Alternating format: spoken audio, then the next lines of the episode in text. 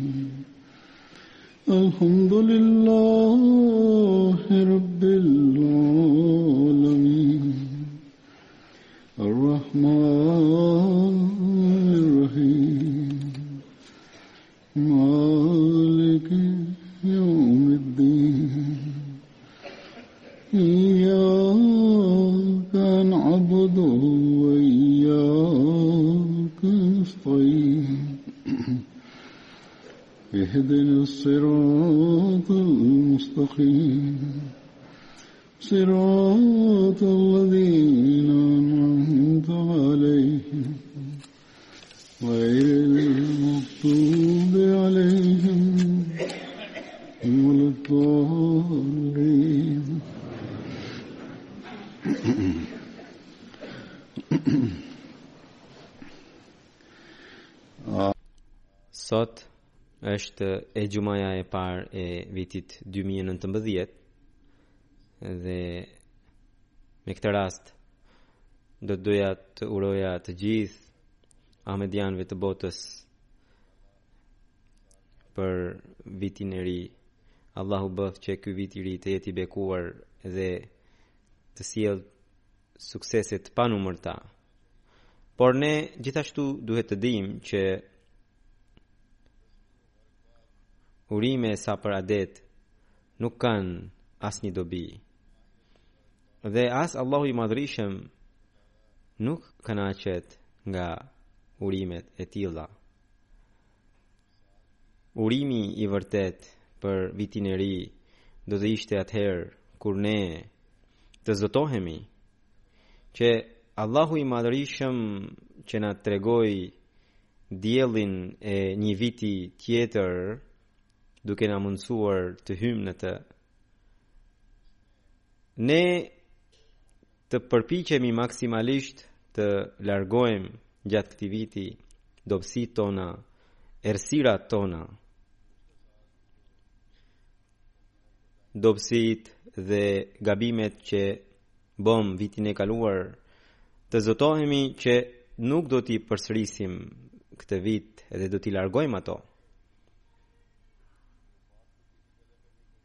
të përpiqemi për të sjellë ndryshimin e pastër më shumë më shumë se sa vitin e kaluar për të cilin ne kemi bërë bejt me Hazret Mesihun e premtuar alayhi salatu wassalam Hazret Mesihu i premtuar alayhi salatu wassalam në një vend duke treguar se si duhet të jetë një ahmedian thotë Njeriu nuk duhet të mjaftohet vetëm me bejtin dhe të besojë që ky xhemat është i vërtetë dhe të mendojë që vetëm kjo do të do të sjellë bekime Madje duhet të përpiqeni që kur të keni hyrë në këtë xhemat të bëheni të dëlirë me takva të ruheni nga çdo e keqe natë e ditë të kaloni duke iu përgjëruar Zotit të Madhërishëm gjuhën mbajeni të butë kërkojini sa më shumë falje Zotit Dhe bëni sa më shumë lutje në namaze.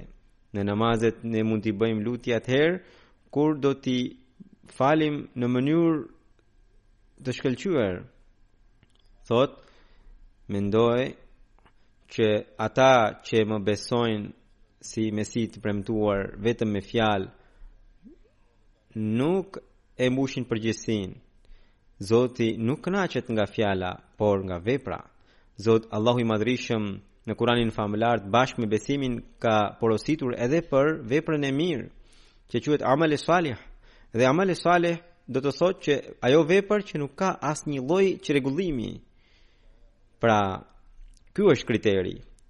Ky është ai plan programi nëse ne do ta zbatojmë këtë gjatë këtij viti dhe të investojmë të gjitha aftësitë tona për ta arritur këtë atëherë padyshim që ky vit do të jetë i bekuar dhe do të sjellë shumë bekime për ne. Por nëse nuk do të ndodhë kjo, siç ju thashë, urimet tona për vitin e ri janë sa për adet. Fillim e, natën e vitit të ri të çohesh pra ditën e parë dhe të falësh namazin e tahaxhudit, namazin e sabahut, nuk të liron nga përgjegjësia për të bërë veprat e mira gjatë gjithë vitit. Përkundrazi, këtë ta vijosh gjatë gjithë vitit. Atëherë është mirësia. Allahu na e mundësoftë këtë dhe Me të vërtetë këtë bëjë ta, ta bëjë këtë vit të bekuar edhe për jetën tonë personale, edhe për jetën e xhematit ne arrijmë të shikojmë suksese pas suksesesh. Pas kësaj do të vij tek tema e radhës, siç e dimë që nga janari fillon edhe viti i vakfe xhedidit, Dhe në hutben e parë ose të dytë të këtij muaji në përgjithësi bëj pra deklaroj vitin e ri të vakfe xhedidit. Me bekimin e Zotit, sakrificat financiare janë një veti dalluese e xhematit të Mesihut të Premtuar alayhi salatu selam dhe pse mos të ndodhte kështu sepse vetë Mesihu i Premtuar alayhi salatu selam në këtë kohë në dritën e Kuranit famëlartë dhe në dritën e porosive të profetit Muhammed sallallahu alaihi wasallam na ka dhënë një botëkuptim të veçantë të sakrificës financiare. Në kuranin famëlartë, Allahu i madhërishëm në shumë vende na ka porositur për të shpenzuar në rrugën e tij, jo për arsye që Allahu i madhërishëm është nevojtar i pasurisë sonë, përkundrazi, do të jemi ne që do të përfitojmë nga kjo sakrificë.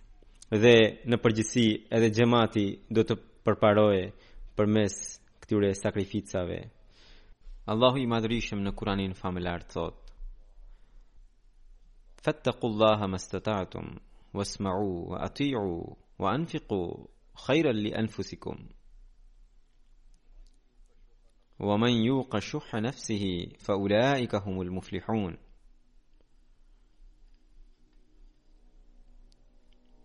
Domethënë, kini druajtje ndaj Allahut, sa të keni mundësi, dhe dëgjoni, binduni, dhe shpenzoni, se është mirë për veten tuaj.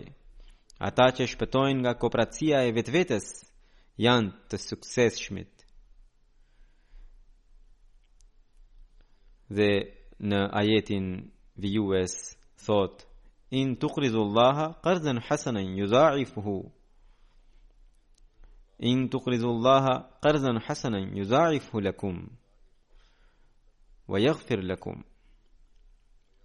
Wallahu shakurun halim. Nëse i jepni Allahut hua të bukur, ai do t'jua shumëfishojë atë dhe do t'ju falë. Dhe Allahu është shumë mirënjohës, shumë i butë. Kështu që Allahu i madhërishëm u jep në mënyrë të shumëfishtë atyre që japin në rrugën e tij. Sakrificat financiare na sjellin edhe dobi individuale edhe sukses xhematit. Pastaj suksesi i xhematit bëhet mjeti i zhvillimit të anëtarëve. I dërguari i Allahut sallallahu alaihi wasallam tha, Ruhuni nga koprracia, sepse pikërisht koprracia i shkatërroi popujt e mëparshëm. Ai gjithashtu tha, Ruhuni nga zjarri, edhe sikur të keni mundësi të shpenzoni gjysmën e hurmës. Pra edhe sakrificat e vogla janë të rëndësishme në rrugën e Zotit dhe njerëzit duhet t'i bëjnë për të shpëtuar nga zjarri. Kështu që sakrificat financiare neve na bëjnë dobi. Duke treguar rëndësinë e sakrificave financiare, Hazrat Mesihu i premtuar alayhi salatu wasalam thotë: Nuk është e mundur që ju të doni edhe paranë, edhe Zotin e Madhërishëm. Dashurinë mund të keni vetëm për njërin. fatlum është ai që ka dashuri për Zotin dhe thotë dhe nëse njëri prej jush ka dashuri për Zotin dhe ai shpenzon paratë e tij në rrugën e Zotit unë besoj me bindje që Zoti do t'i japë bereqet në paratë e tij më shumë se të tjerëve Sepse paratë nuk vijnë vetë, por vijnë me vullnetin e Zotit. Andaj, ai që heq dorë nga disa para për hir të Zotit, patjetër do t'i gjejë ato përsëri. Por ai që i do paratë dhe nuk e bën atë shërbim në rrugën e Zotit që duhet ta bënte, patjetër do ta humbë atë sasinë e parave. Thotë, mos mendoni se paratë vijnë nga përpjekja juaj. Ato vijnë me urdhrin e Zotit. Dhe mos mendoni se duke dhënë një pjesë të parave tuaja në rrugën e Zotit ose duke bërë ndonjë shërbim tjetër, ju i bëni nder Zotit të Madhërishëm dhe të dërguarit të Tij. Përkundrazi, është mirësia e Zotit që ju thërret për këtë shërbim. Sinqerisht ju them të vërtetën, kjo punë është prej qiellit dhe shërbimet tuaja janë vetëm për të mirën tuaj. Me bekimin e Zotit të Madhërishëm, ata që bënë bejtin me Mesihun e premtuar alayhi salatu wassalam kanë kuptuar dhe kanë kuptuar mirë rëndësinë dhe shpirtin e sakrificave financiare. Ka edhe të tillë që janë shumë të varfër, por kurrsesi nuk dëshirojnë të mbeten mbrapa në sakrificat financiare. Jo vetëm ata që janë ahmedianë të vjetër, por edhe të porsaanëtarësuarit.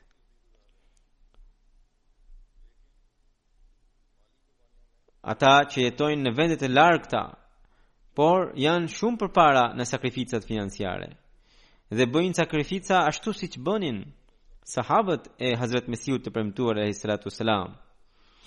Ka edhe shembuj të tillë. Dhe pikërisht për ata Hazret Mesihu i premtuar alayhi salatu wassalam, në atë kohë, kishte shprehur, çuditem, pra duke thënë, kishte shprehur duke thënë, çuditem duke parë dashurinë dhe sinqeritetin e anëtarëve të xhematit tim, sepse ka plot që kanë jashtëzakonisht shumë pak të ardhura, por sërish japin në rrugën e Zotit. Më pas ai dha shembullin duke thënë, siç janë Mia Xhamaluddin dhe Mia Khairuddin dhe Mia Imamuddin, Kashmiri, Tha, Këta tre vëllezër jetojnë afër fshatit tim. Mezi marrin tre ose katër lekë ditore duke bërë punë krahu, por muaj për muaj rregullisht japin kontributet e tyre financiare.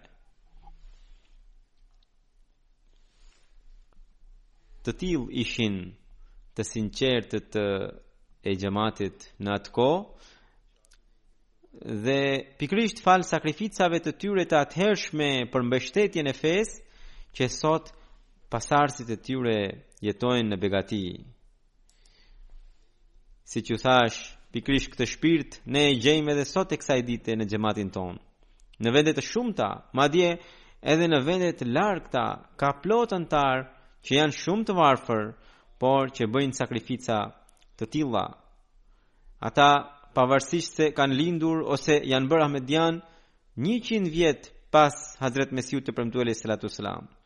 Asnjëherë nuk patën mundësi të takonin kalifin e kohës në mënyrë të drejtpërdrejtë, por dashurinë për fenë, bindjen ndaj kalifatit, besnikërinë ndaj bejtit që kanë bërë me Hazret Mesiun e premtuar alejhi selam dhe ndjenjën e sakrificës i kanë kaq të larta saqë habitesh kur i shikon. Nëse e merr për bazë vetëm këtë gjë, edhe kjo është e mjaftueshme si argument për vërtetësinë e Hazret Mesiut të Premtuar Alayhi Salatu Selam, sepse këtë ndjenjë Nuk mund ta fuste në zemrat e tyre askush tjetër përveç Zotit të Madhërishëm. Sakrificat e disa anëtarëve të xhamatit dhe sjellja e Allahut me ta ka disa shembuj edhe do t'i paraqes ato. Nga Ghana është një Ahmedian Rampong Sahibi. Ai thotë që para disa vitesh unë duhet të paguaja 5.000 pound për shkollën, atëherë edhe po punoja dhe mirëpo paga ime nuk ishte aq sa edhe sikur të mblidhja pagat e 12 muajve, nuk mund ta bëja dot atë pagesë. Sidoqoftë, mora një kredi ë ose gjeta një kredi nga banka 3000 pound dhe më pas çdo muaj 40% të pagës jepja për të shlyer kredinë. Mirëpo kontributet i jepja për pagën e plotë. Një ditë shkova në shtëpinë e xhamatit në qytetin Kumasi, Kumasi është një qytet në Ghana, misionari i xhamatit më kujtoi për Vakfe Xhedidin, futa dorën në xhep dhe kisha lekët, kisha paratë që mund ta përmbushja premtimin e Vakfe Xhedidit, por mendova që nëse do ta japun këto këtë shumë parash, nuk do të kem ë paratë për transport për të shkuar te puna gjatë muajit. Por sërish e dhashë atë në rrugën e Zotit. Kur po kthehesha në shtëpi, më morën në telefon nga ë puna e, dhe më thanë për një shumë që kanë kaluar në konton time dhe ishte 5 fish më e madhe sa ajo që e kisha dhënë si kontribut. Mendova ishte gabimi i bankës dhe ata më, pa, më pas do të ma marrin sepse e, ma kishin dhënë pagën. Por të nesërmen kur shkova te puna më thanë që shteti m'i dha këto lekët, këto paratë, sepse kishin mbetur nga muajit e mëparshëm. Unë e falenderova Allahun që pavarësisht nga frika, ai më dha së pari kurajën për të dhënë kontributet dhe më pas më dha pesë fish më shumë. Pas kësaj dite unë gjithmonë tregohem i përpikt për kontributet financiare. Tani ky jeton në Afrikë, në Nga Burkina Faso, që është një shtet ku flitet gjuha frënge, misionari i xhamatit shkruan që në një qytet Bobo Xhulaso, një anëtar i ri i xhamatit i quajtur Khadim Zuri vinte i sëmurë nga gjendje psikologjike dhe kishte depresion dhe pinte ilaçe për gjumë. Një ditë erdhi dhe na pyeti që sa e ka për të paguar për Vakfe Xhedid dhe Tehrike Xhedid. Misionari i xhematit tha që sipas mundësisë dhe Më pas, ai pyeti, jo, më tregoni edhe kontributet që unë kam si detyrim në bazë të, të ardhurave dhe i pagoi të gjitha dhe u largua. Më pas, pas pak ditësh erdhi në misionar në shpinën e misionit dhe tha se kam qenë i sëmurë dhe me bekimin e kontributeve sot jam shumë më mirë. Kam hequr edhe ilaçet për gjumë dhe kam gjetur qetësi Dhe tani adhuroj Zotin e Madhërishëm, fal namaze rregullisht dhe jap kontributet. Ndërkohë më përpara thotë unë isha i prirur të bëja vetëvrasje. Nga Anglia një anëtar i xhamatit shkruan që para pak muajsh Më njoftuan që të jepja kontributet e Tehrike Xhedidit dhe më thanë se vitin e kaluar kisha dhënë kaq, atëherë thashë këtë vit do të jap pak më shumë se sa vitin e kaluar. Në atë kohë nuk kisha lekët me vete. Fillova t'i lutesha Zotit që ai vetë të më mundësonte Pas dy javësh më dërguan një letër nga departamenti i taksave duke thënë që kisha paguar më shumë taksa se sa duhet edhe ata më kthyen atë shumë. Unë vetë jam ekonomist edhe e di shumë mirë gjendjen time dhe paguaj rregullisht taksat aq sa jam i detyruar. Por këto më kanë ardhur mrekullisht. Pas disa muajsh, presidenti i xhamatit më telefonoi dhe më njoftoi për Vakfe Xhedidin. Dhe rastisht edhe në atë kohë nuk kisha lekët. Më, më tha që vitin e kaluar kaq kisha dhënë, edhe përsëri i thashë do të jap diçka më shumë se sa vitin e kaluar. Edhe përsëri fillova t'i lutesha Zotit, edhe mendova që herën e kaluar Zoti më, më mundësoi përmes zyrës së taksave Por këtë herë nuk po gjej ndonjë rrugë të re.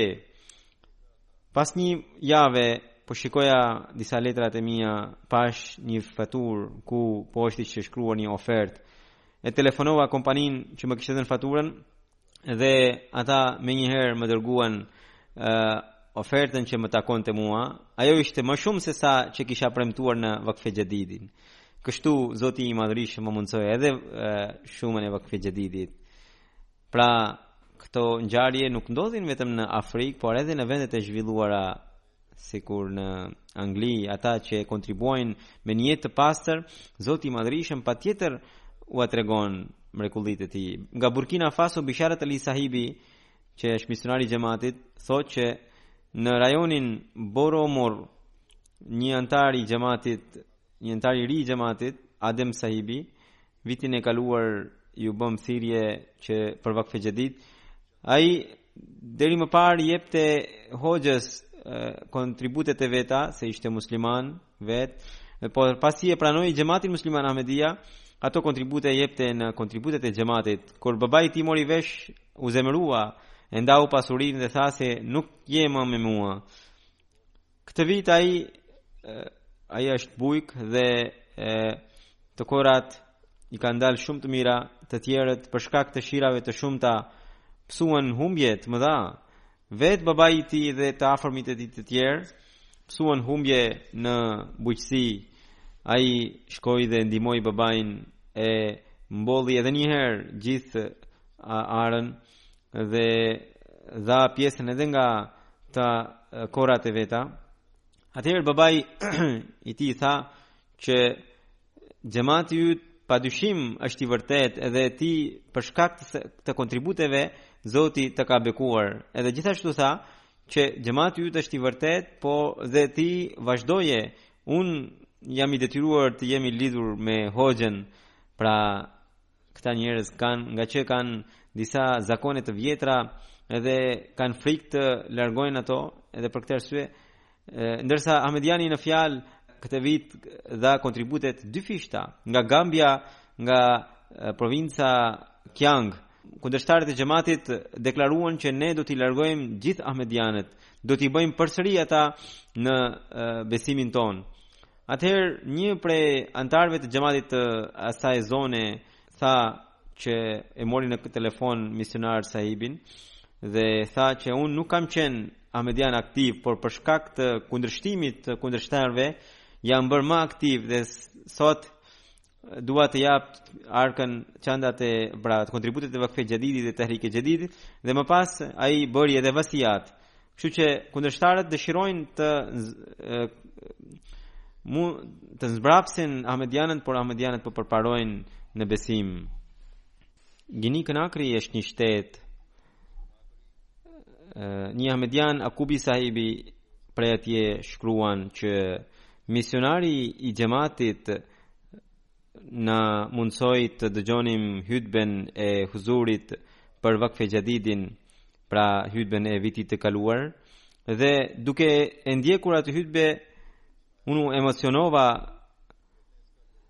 dhe të nesërmën unë do të udhëtoja për në Sierra Leone për punë. Unë kisha vetëm 300 dollarë dhe kisha shumë nevojë për paratë. Por prapëseprapë ndava 100 dollarë prej 300 dollarëve, i futa në zarf dhe mendova se këtë do ta jap në vakfe xhadid.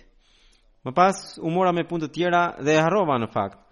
Dhe kaluan 2-3 orë që më erdhi një njeri në zyrë dhe më dha një zarf dhe më tha që miku yt filani, pra, ta dhashë këtë zarf. Dhe kur e hapa aty ishin 300 dollar me mesazhin që mora vesh që po udhëton edhe këto janë dhuratë nga ana ime. Atëherë kuptova që kisha ndarë një zarf me 100 dollar dhe shiko që as nuk i kam dhënë akoma që Allahu i Madhërishëm m'i ka kthyer në mënyrë të shumëfishtë dhe u mbusha me besimin që këto janë bekime të xhamatit të Hazrat Mesihut të Premtuar alayhi salatu selam. Kështu Allahu i Madhërishëm ua shton besimin njerëzve vazhdimisht. Hazrat Mesihu i Premtuar alayhi salatu selam atë që kishte thënë që njerëzit pra paratë do të vijnë nga Zoti, paratë vijnë nga Zoti, këta njerëzit po e kuptojnë duke qenë brenda këtij xhamati. Nga Benini, nga rajoni Bojko, misionari i xhamatit shkruan që presidenti i një xhamati të këtij rajoni që quhet Huangan Xhesk Sahibi shkruan që ai kishte një borxh të madh që nuk arrinte ta shlyente Gjatë kësaj periudhe, misionari lokal njoftoi për Vakfe Xhedidin dhe tha se po mbaron viti dhe ata që nuk kanë bërë akoma nuk kanë dhënë kontributet, duhet të japin. Presidenti i xhamatit thotë që unë nuk kisha lekët në atë kohë. Përveç borxhit, tani kisha shqetësim edhe për Vakfe Xhedidin dhe në atë kohë në xhep kisha 500 frank sifa dhe ato i dhashë si kontribut për për Vakfe Xhedidin.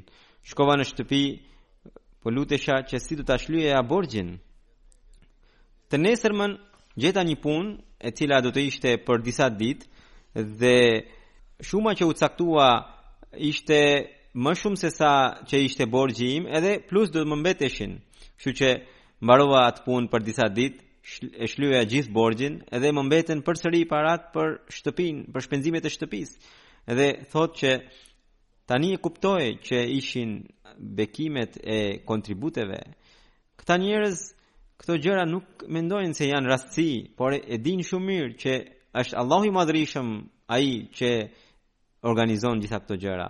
Nga Mali rajoni Sikaso, misionari i xhamatit shkruan që një anëtar i ri i xhamatit që quhet Abu Bekr Sahibi thotë që pasi e pranoi xhamatin e kuptoi vlerën e kontributeve, bekimin e tyre. Thotë që djali im çdo stinë monsune sëmurej dhe shpenzoja shumë, madje më duhej të merrja leje nga puna Që kur kam filluar të paguaj kontributet, Allahu i Madhërishëm më ka shëruar djalin, edhe tani unë nuk kam asnjë pikë dyshimi që këto janë vetëm bekimet e sakrificave financiare në rrugën e Zotit.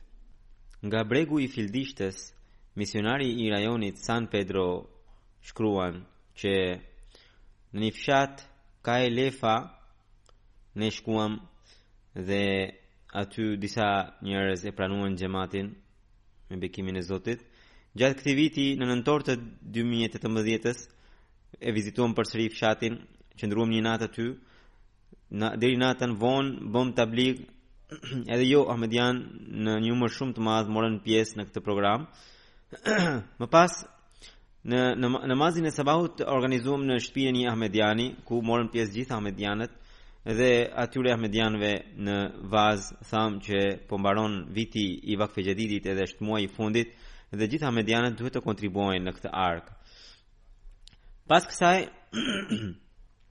njerëzit u kthyen në nëpër shtëpi, po mendoja se edhe sikur të sillnin gjithë ata njerëz Pesë mijë frankë sifa do të ishte një punë shumë e madhe, një sakrificë shumë e madhe sepse gjendja e tyre ishte e dobët. Dhe teksa po ktheheshim, unë u habita që një njeri erdhi dhe më tha mua që ju kërkojmë falje që akoma nuk i kemi gati të korrat dhe gjendja është e ngushtë dhe ju kemi sjellë Këto shtatëmbëdhjetë mijë frankë sifa si kontribut në Vakfe Xhedid dhe gjithashtu bëri kërkesë që të bëjmë dua për të në mënyrë që ata të japin më shumë herën tjetër. Nga India, inspektori i, i Vakfe Xhedidit, Iqbal Sahibi, thotë që në Kamareddy, kur bëmë thirrje për Vakfe Xhedid, Një djalë i ri përnjëherë dha të gjithë pagesën vjetore.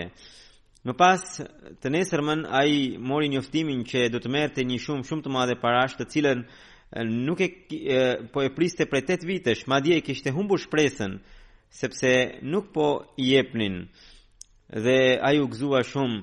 Gjithashtu, edhe puna që ai kishte të përkohshme, u njoftua që do të ishte tashmë e, e, e vazhdueshme.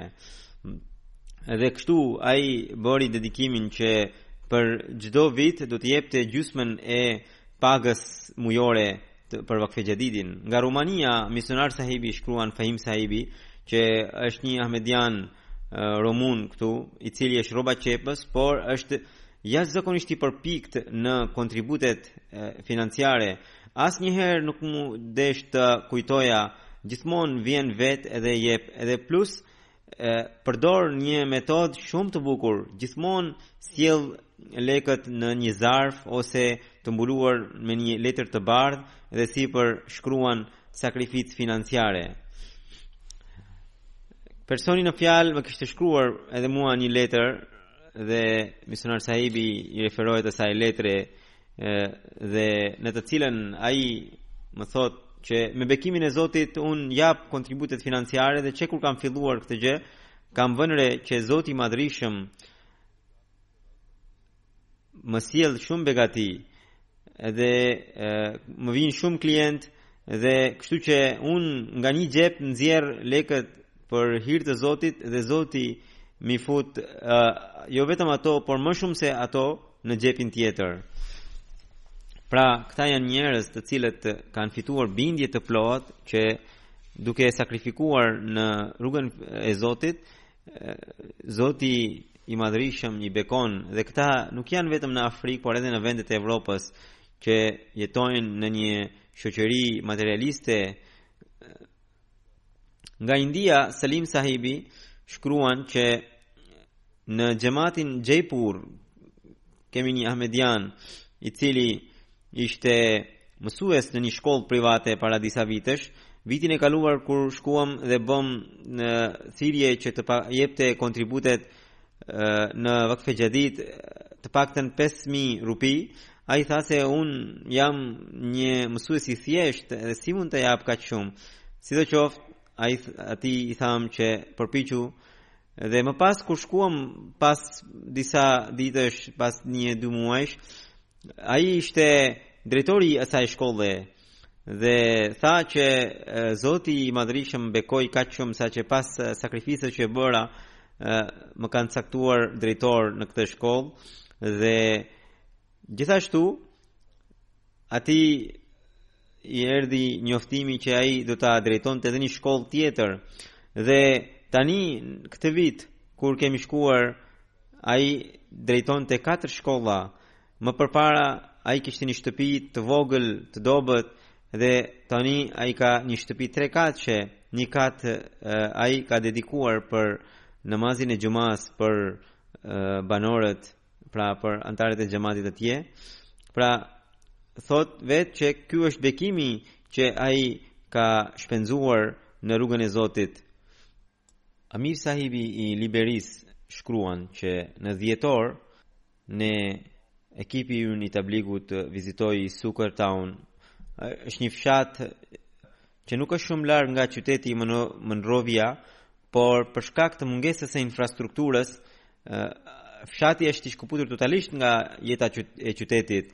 Madje gjatë rrugës vijnë 3 ura të ndërtuara vetëm me dru dhe litare dhe mezi mund t'i kalosh ato ura.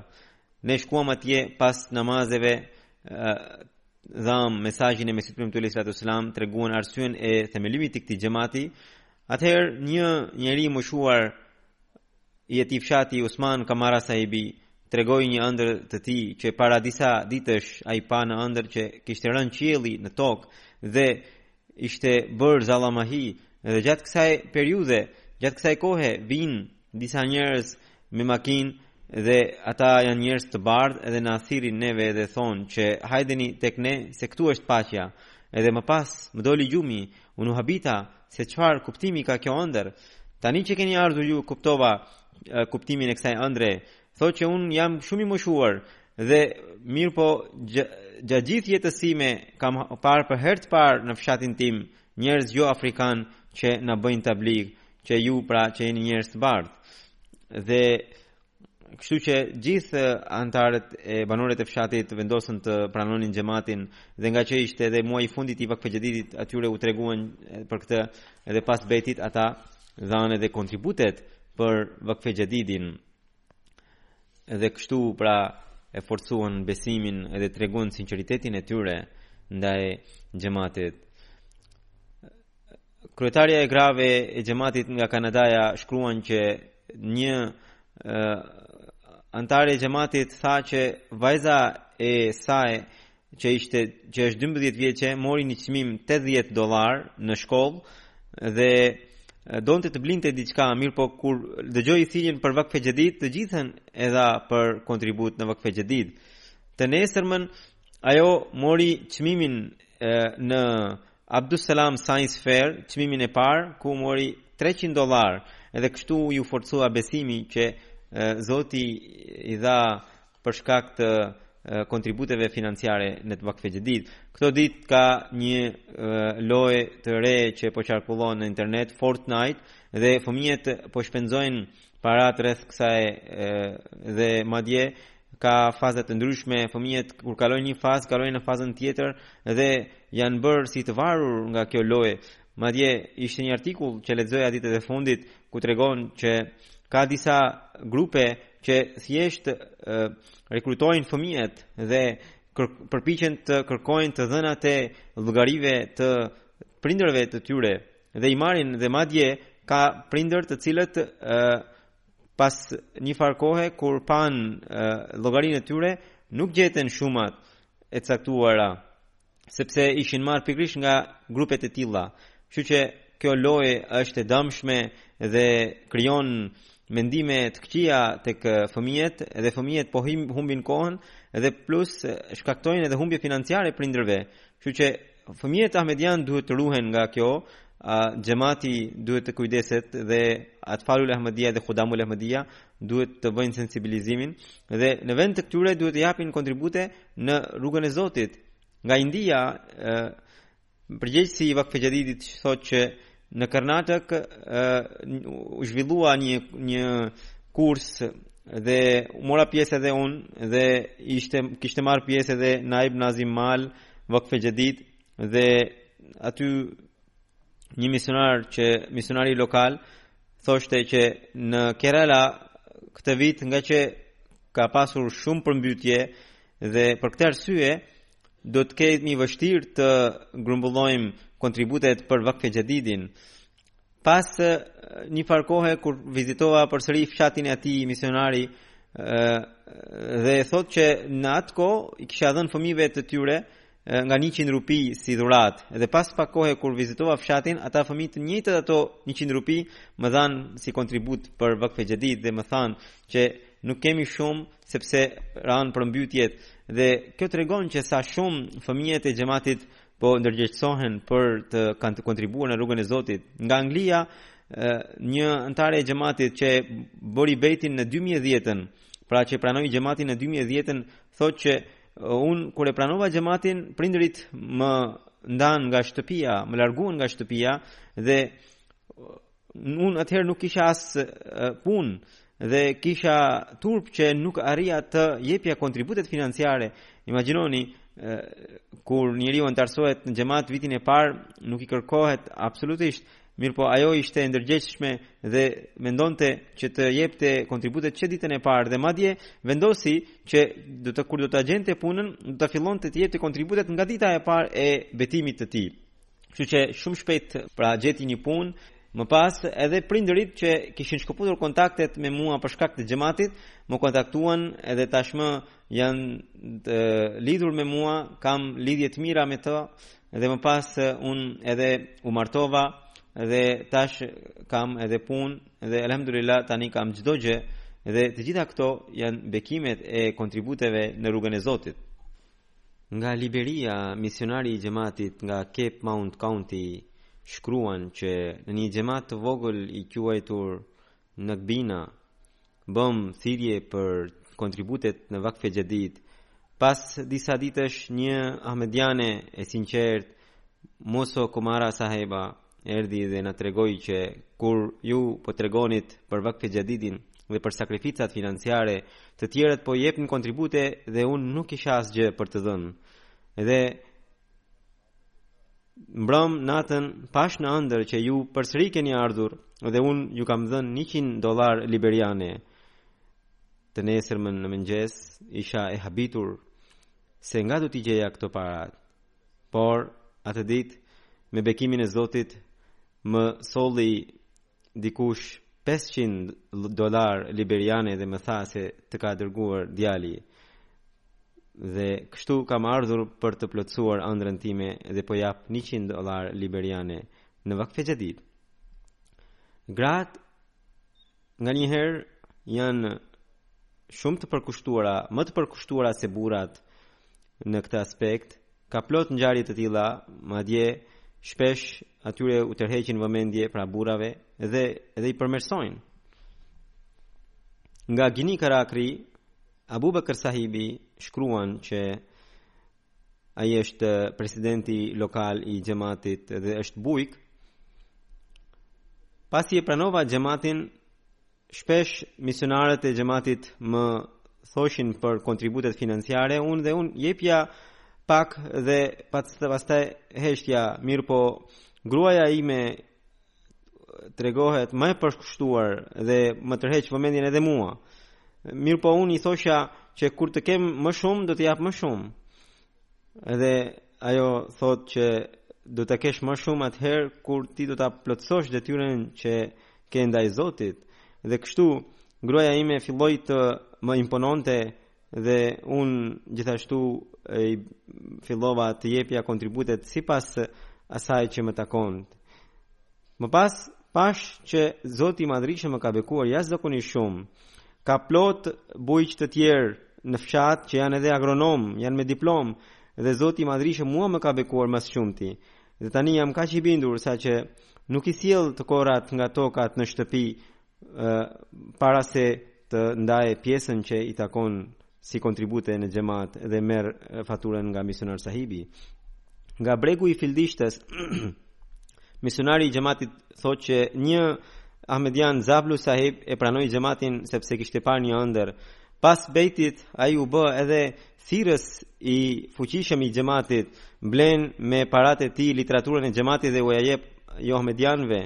Zavlu Sahib punonte në një hotel dhe kishte një post të mirë. Ë por tani ai nuk ka ndonjë punë dhe gruaja e tij punon dhe ndihmon në shpenzimet e shtëpisë. Para pak ditësh ai Më mori në telefon dhe më tha, po ju dërgoj 30.000 frank sifa si Vakfe Xhedid, kontribut në Vakfe Xhedid. Unë e dija gjendjen e shtëpisë së tij dhe i thashë që janë shumë për ty, më mirë jep më pak, dhe sepse po vjen edhe Xhelse Salana dhe keni shpenzime. Ai tha që unë do të je, unë doja të jepja 20.000 frank sifa, mirëpo gruaja më insistoi dhe tha se do të japim 30.000 frank sifa.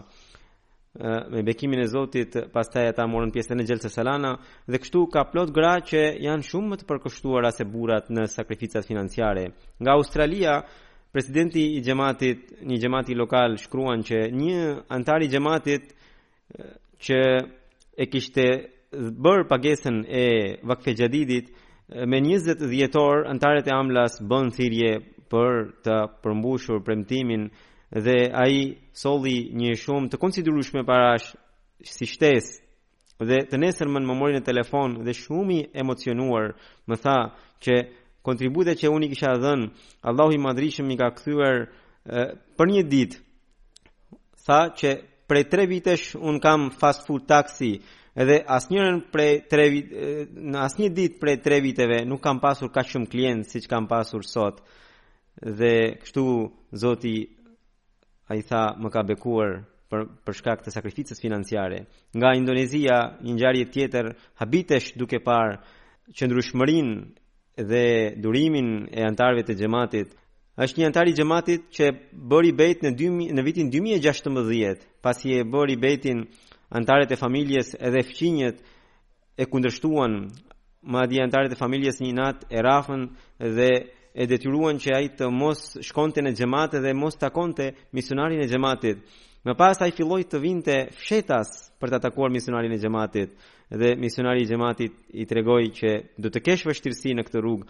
Edhe gjithashtu i bëri thirrje që ai të jepte edhe kontribute e, financiare. Personi në fjalë tha që pavarësisht se unë kam kundërshtim kaq të ashpër, por unë e kam parë të vërtetën dhe nuk mund të tërhiqem nga xhamati. Dhe ai nuk ka pasur ndonjë punë të rregullt, bënte punë të ndryshme dhe ato lekët që gjente një pjesë prej tyre jepte kontribute dhe gjithmonë në xhamat vinte natën dhe para se të vinte bonte një xhiro, disa xhiro madje në fshat për të bindur banorët që ai nuk nuk po shkon në xhamat dhe më pas vinte në xhamat dhe jepte edhe kontribute dhe bonte punë të xhamatit. Ka dhe një ngjarje tjetër e cila është e një personi që nuk ka qenë Ahmedian fare, Nga Mali, misionari i xhamatit shkruan që një ditë ata kishin po transmetonin hutben time të Vakfe Xhadidit të vitit të kaluar dhe gjatë kësaj kohe nga një fshat që ishte 45 km larg qytetit na mori në telefon kryeplaku dhe tha Ju ftojmë të vini në fshatin tonë dhe të tregoni për xhamatin tuaj.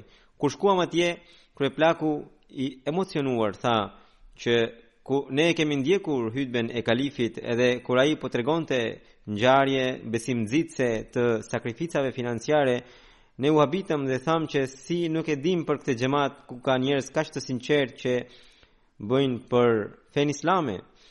Dhe kështu që ju ftojmë të na tregoni për xhamatin. ne u tregojmë u treguam për xhamatin, u bëmë tablig dhe aty 50 veta e pranuan xhamatin duke bërë bejt.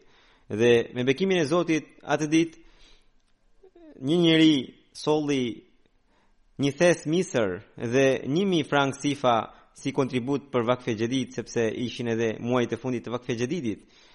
Allahu i Madhrishëm në çfarë mënyre hap rrugët për ta përhapur mesazhin e Mesihut të Premtuar Alaihi Salatu Sallam dhe jo vetëm, por edhe për të krijuar ndihmëtar të xhamatit të tij.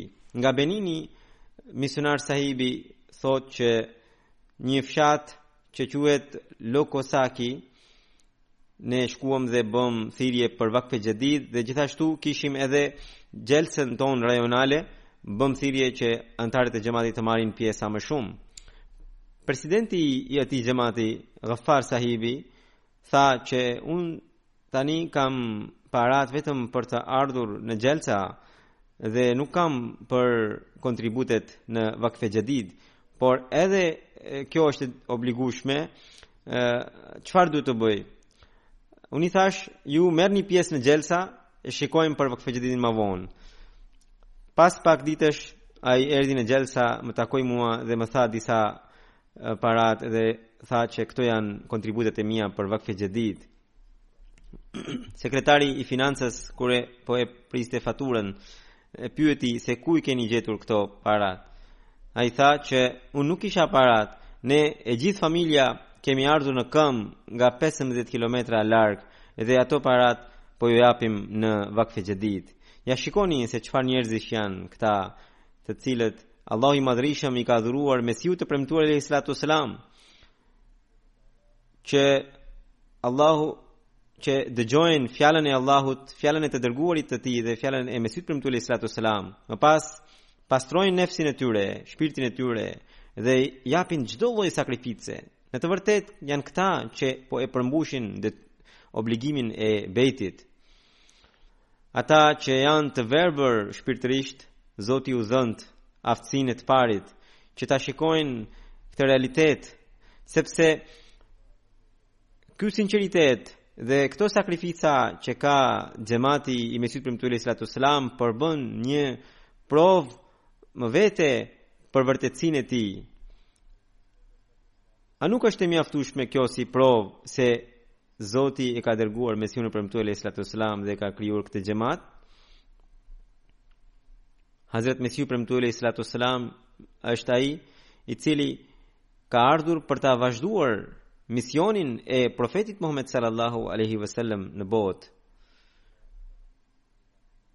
Zoti u dhëntë mend muslimanëve ah sikur ata të kuptojnë realitetin dhe me bekimin e Zotit inshallah taala nëse do ta kuptojnë së shpejti do ta triumfojnë botën kjo përqeshje që po u bëhet muslimanëve sot dhe që po i bëhet edhe islamit nëse muslimanët do ta pranojnë thirrjen e Zotit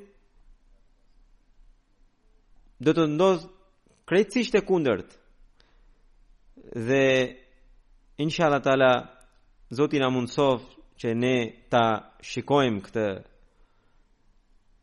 sidoqoftë detyra jonë është që ne të bëjmë reformën tonë shpirtërore të përulemi përpara Zotit dhe të bëjmë sa më shumë tablig dhe të japim sakrificat financiare dhe t'i tregojmë botës fytyrën e vërtetë e të bukur të islamit.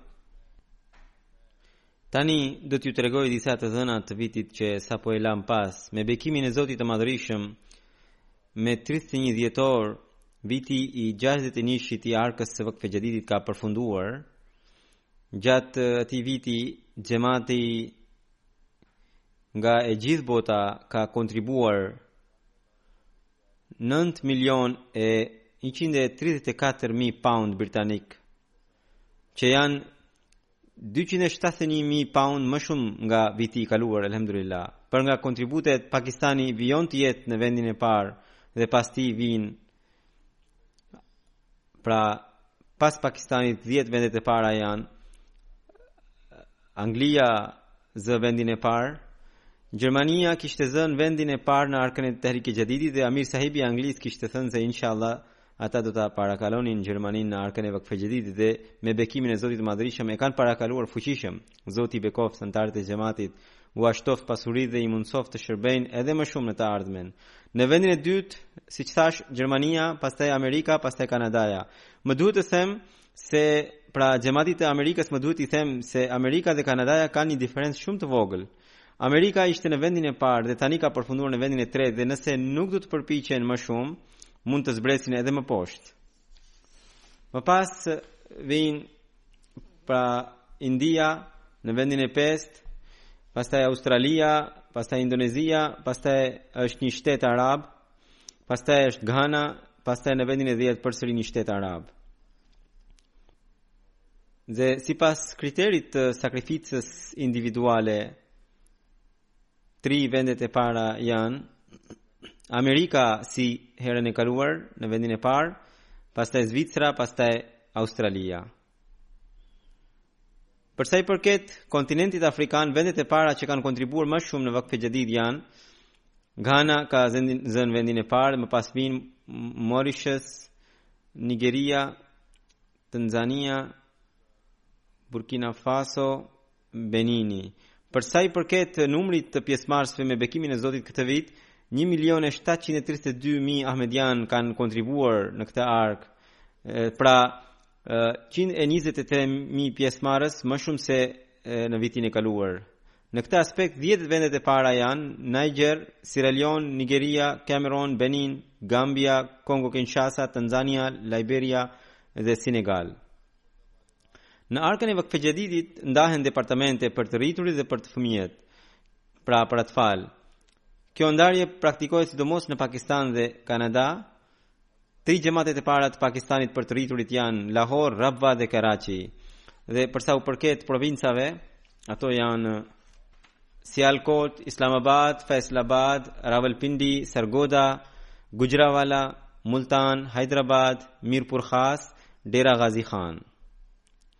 Kurse në departamentin e atfalit, pra të fëmijëve, tre xhamatet e mëdha në Pakistan janë Lahore, Karachi dhe Rabwa.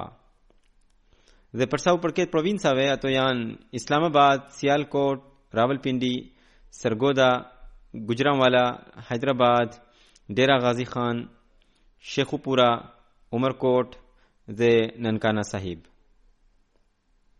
Dhjetë xhamatet e mëdha të Anglisë që kanë kontribuar më shumë janë Worcester Park, Masjid Fazl, pastaj Birmingham South, Gillingham, Birmingham West, pastaj Islamabad, Hayes, Bradford North, New Malden dhe më pas Glasgow.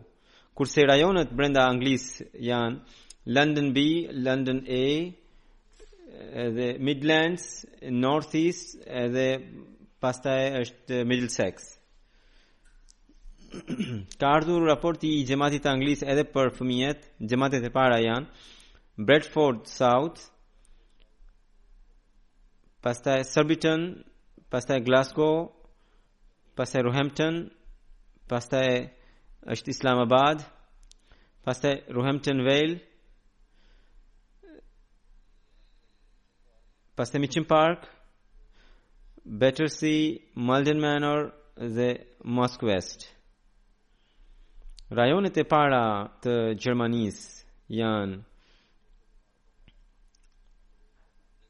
vendi i parë Hamburg, pastaj Frankfurt, Wiesbaden, pastaj Morfelden, Waldorf dhe Ditzenbach. Kontributi total janë Silicon Valley, Seattle, Detroit, Silver Spring, Central Virginia, Boston, Dallas, Laurel, Georgia dhe Carolina dhe pastaj York. Pesë vendet e para të Kanadasë përsa i përket kontributit total janë Vaughan, Calgary, Peace Village, Brampton dhe më pas Vancouver. Renditja e xhamateve të mëdha të Kanadasë është Durham, Windsor, Bradford, Edmonton West, Saskatoon North, Saskatoon South, Montreal West, Milton West, Hamilton West, Abbotsford. Kurse për sa i përket departamentit të atfalit pra të fëmijëve, vendet e para të Kanadasë janë Durham, Milton West, Bradford, Hamilton South, Saskatoon. Renditja e provincave të Indisë është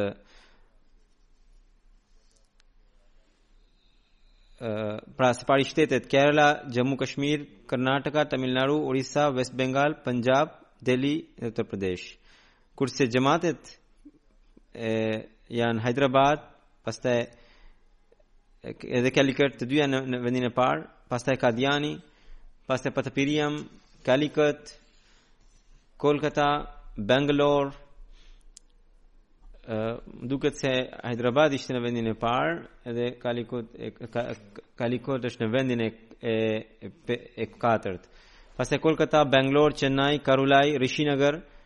dhe Delhi. Renditja e 10 xhamatet e para të Australisë ja është Castle Hill, Melbourne Langwarrin, Penrith, Melbourne Berwick, Marsden Park, Brisbane, Adelaide South, Brisbane Logan, Canberra, dhe Plumpton. Përsa i përket departamentit të fëmijëve, vendet e para të Australisë janë Adelaide South, Brisbane Logan, Melbourne Langwarrin, Melbourne Berwick, Brisbane South, Marsden Park, Mount Druitt, Castle Hill, Melbourne East, ngaqë këta emra i kam këtu në gjuhën urdu, mund t'i kem shqiptuar edhe gabim, sidoqoftë, departamenti duhet t'u ketë bërë njoftimet xhemateve përkatëse. Allahu i Madhërishëm begatoftë të gjithë pjesëmarrësit në jetën dhe në pasuritë e tyre dhe i mundësoftë të bëjnë sakrifica të mëdha edhe në të ardhmen.